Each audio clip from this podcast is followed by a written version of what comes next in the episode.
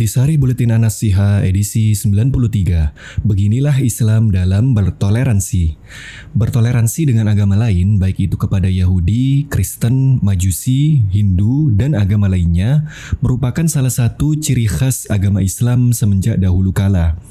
Hal inilah yang telah dicatat dengan jelas oleh sejarah, diakui oleh para sejarawan dan penulis, dan dirasakan langsung oleh mereka yang mengalaminya dari kalangan non-Muslim. Allah Ta'ala berfirman yang artinya Allah tidak melarang kamu berbuat baik dan berlaku adil terhadap orang-orang yang tidak memerangimu dalam urusan agama dan tidak mengusir kamu dari kampung halamanmu. Sesungguhnya Allah mencintai orang-orang yang berlaku adil. Quran Surat Al-Mumtahanah ayat 8 Berikut ulasan yang kami himpun 1.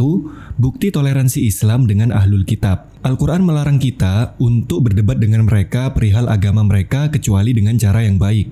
Kemudian, Islam membolehkan kita untuk memakan makanan ahli kitab dan makan dari hewan sebelian mereka.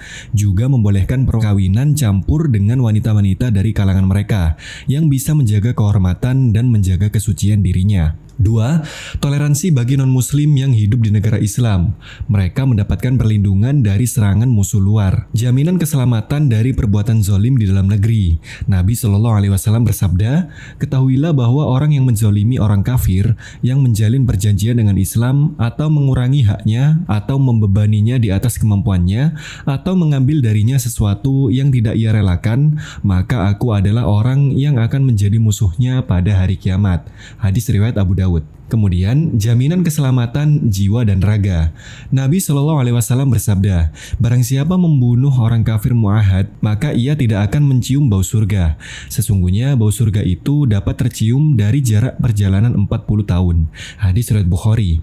Kemudian juga mendapatkan jaminan keamanan pada harta dan kebebasan beragama dan beribadah. Allah Ta'ala berfirman yang artinya tidak ada paksaan dalam menganut agama Islam. Quran Surat Al-Baqarah ayat 256. Kesimpulan, lalu merayakan Natal apakah merupakan bentuk toleransi? Sebagian dari saudara semuslim kita mungkin masih ada yang beranggapan bahwa merayakan hari raya Natal dan tahun baru merupakan salah satu bentuk perwujudan toleransi kepada kaum Nasrani. Banyak dari mereka yang ikut merayakan hari tersebut bersama mereka atau sekedar memberikan ucapan selamat. Contohnya Merry Christmas kepada yang merayakannya. Ketahuilah saudaraku, perbuatan semacam ini bukanlah termasuk dari toleransi yang diajarkan oleh Nabi Shallallahu Alaihi Wasallam kepada kita. Allah Taala berfirman yang artinya, untukmu agamamu dan untukkulah agamaku. Quran Surat Al-Kafirun ayat 6